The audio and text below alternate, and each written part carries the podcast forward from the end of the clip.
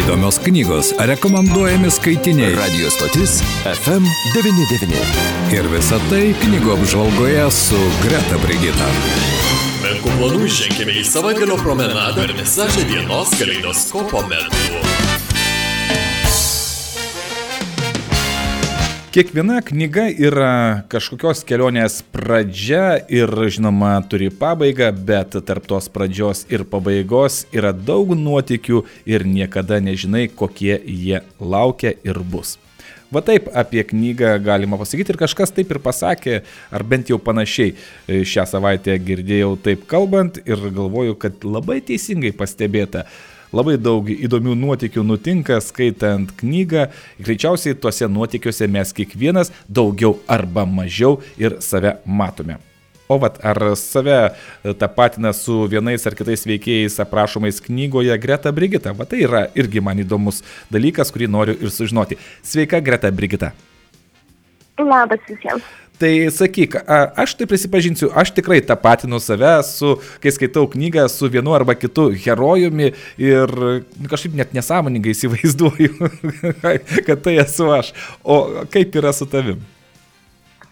E, iš tikrųjų priklauso nuo knygos, e, labai dažnai tai gaunasi na, nesąmoningai, nes tiesiog ima tam tikros ar istorijos, ar kažkokie veikėjų poelgiai rezonuoti savo paties, tarkim, gyvenimu.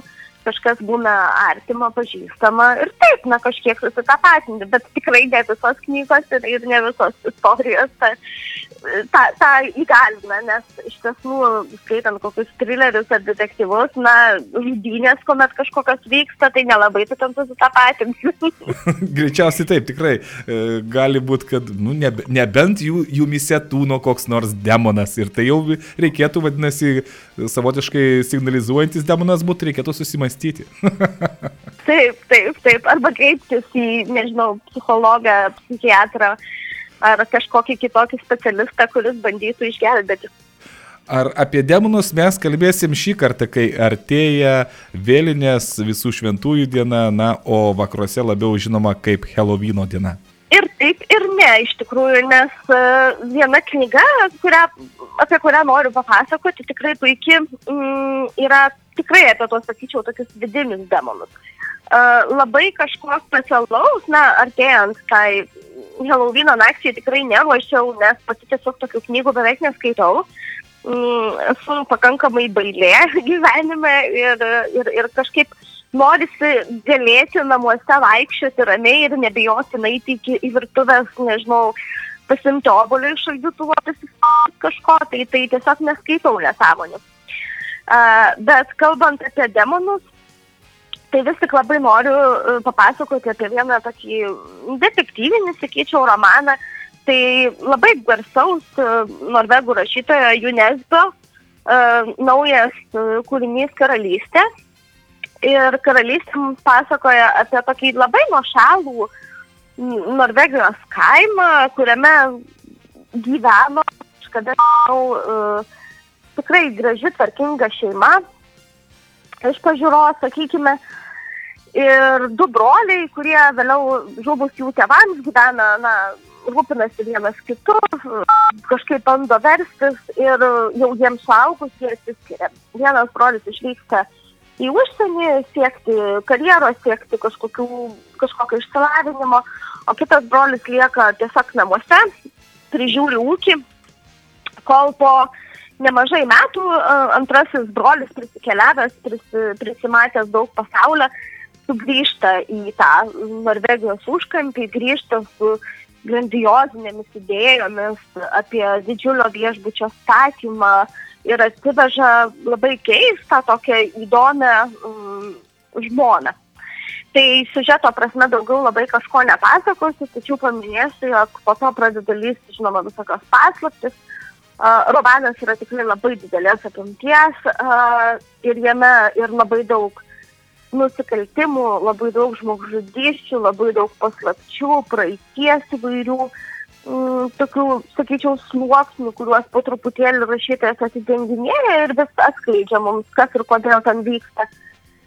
Tad noriu tiesiog paskatinti visus skaityti, kas mėgsta tokias tikrai labai gerai užkastas šeimos paslaptis ir ir emociškai sunki knyga, ir labai tamsi, ir labai niuri, ir sakyčiau, tokia va tikrai va rudeniui ir tam Halloweenui gal netgi tokiam tinkanti, tik nepasakyčiau, kad jinai yra iš tų, kurią na įveiksi per savaitgalį. Ji yra, kaip ir pasikartosiu, didelės ir apimties, ir emociškai ji nėra labai lengva.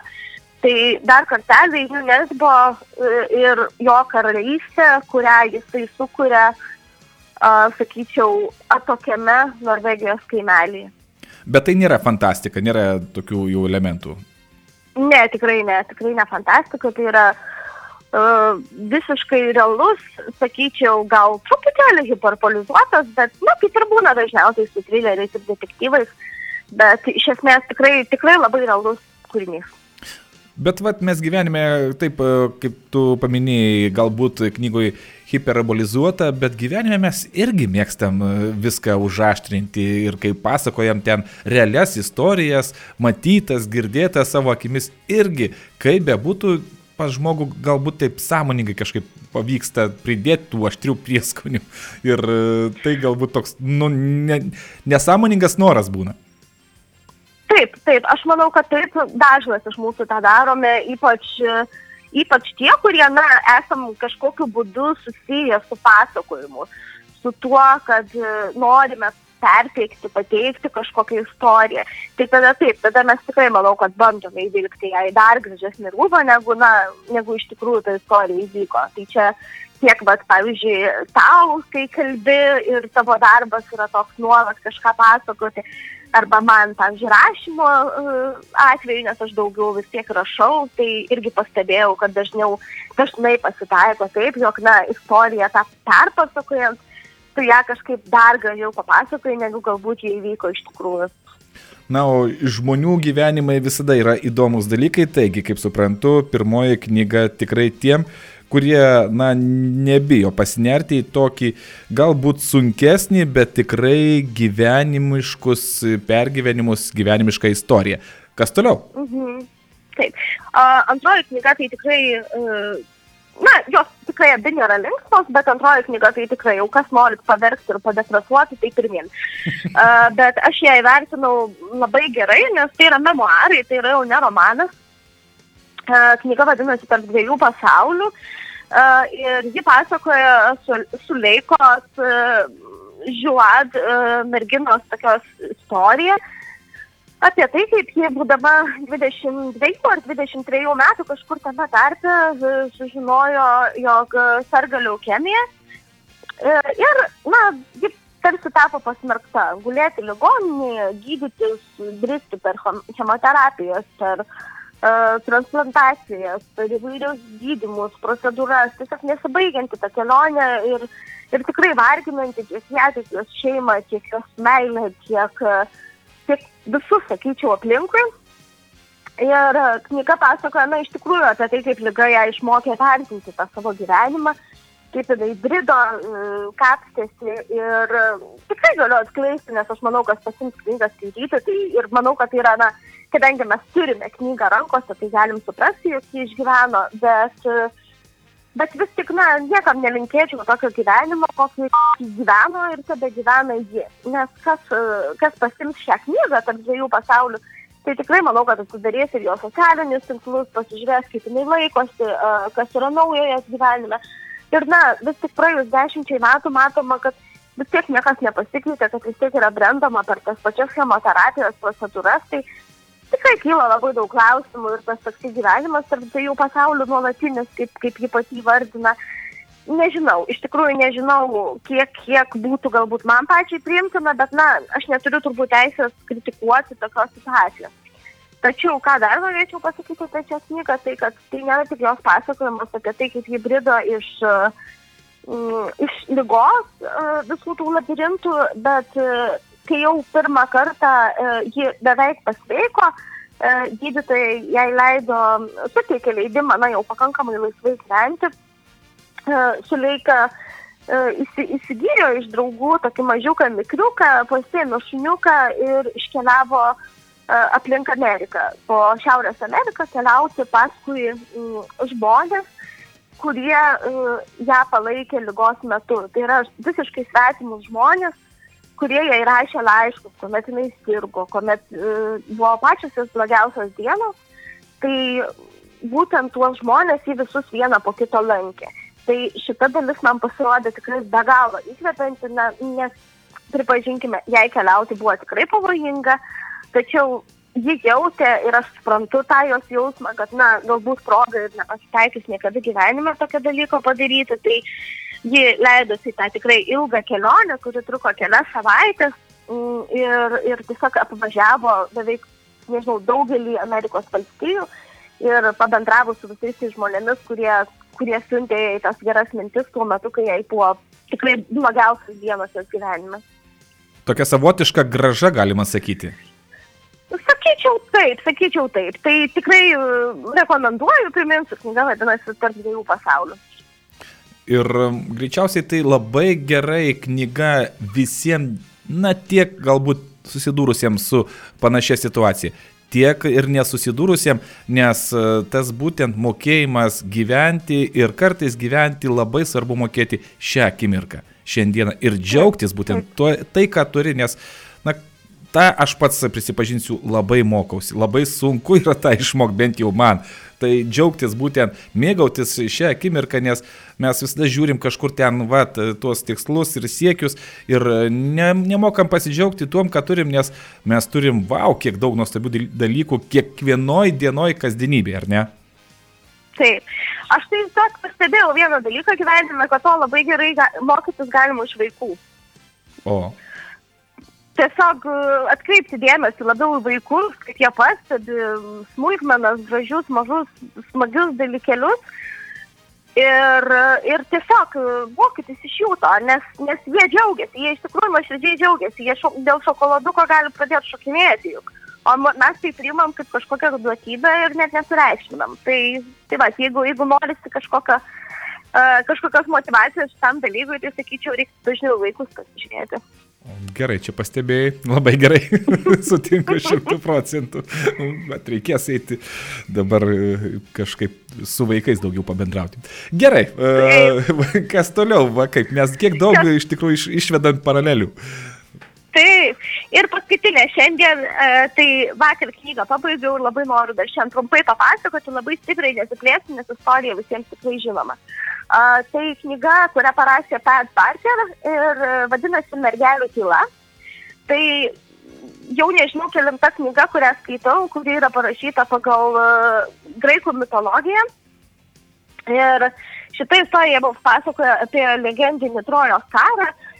Ir pagrindinė veikėja šį kartą yra pasirinkta e, karalienė Briseidė, kurią uh, pagrobė uh, Trojen, graikai į savo tuo metu, sakyčiau, apsupti, e, kuomet, kuomet jie bando uh, užkariauti Troją. Na tai viskas kaip ir žinoma ir, ir Briseidė įkalinės laiko ne kas kitas, o Achilas ir pagrindiniai veikėjai, tai būtent Achilas su Patroklu ir ta Briseidė. Tai vyksta Trojos karas. Ir aišku, karo metu, kaip ir žinome iš visų patirčių ir, ir, ir dabar vykstančio karo, kad, na, dažnai nukenčia moteris ir turbūt nukenčia labiausiai. Tai kalbama apie belaisvės, apie laisvę, apie pasirinkimus, apie galimybę, na, išlikti ir tikrai labai įdomiai, įdomi perspektyva pasirinkta, tai tiesiog labai kažko daug nenupasakosiu, nes, na, mes žinome apie Trojos karą, apie Hilą iš mitologijos, tai fantastikos čia mažai, mistikos kažkokios čia taip pat labai mažai, čia yra tiesiog normaliai papasakota karo, užkariavimo, belaisvių, vergovės istorija ir vadinasi knyga Mergelių tyla. Bet mane tie laikai labai žavi. Aš visada, na, su kiek įmanoma, kai pastebiu, visada stengiuosi ir filmus pažiūrėti, ir va knygos. Ir tie laikai mane mhm. žavi dėl to, kad tais laikais uh, labai buvo vertinamas žodis, duotas žodis. Taip, taip. Garbė žodis, kažkas buvo wow. Taip, nereikėdavo, kaip sakoma, tų, kaip dabar yra priimta, na, kažkokių rašytinių sutarčių, susitarimų, na, kaip mes dabar, ar ne, juk, juk mm. tvirtinant ar elektroninę bankininkystę. bet, uh, bet tada tais laikais, na, iš tikrųjų, užtekdavo rankom sukirsti ir, ir realiai gyvybės ant to būdavo, na, pakabinamos. Tai taip, iš tiesų žodis buvo vertas labai labai daug. Ir dar, ir dar iš karto, kai žiūri tuos laikus, kai tai apie tuos laikus, tu ieškai tokių uh, sąsajų, kas yra atkeliavę iki mūsų dienų.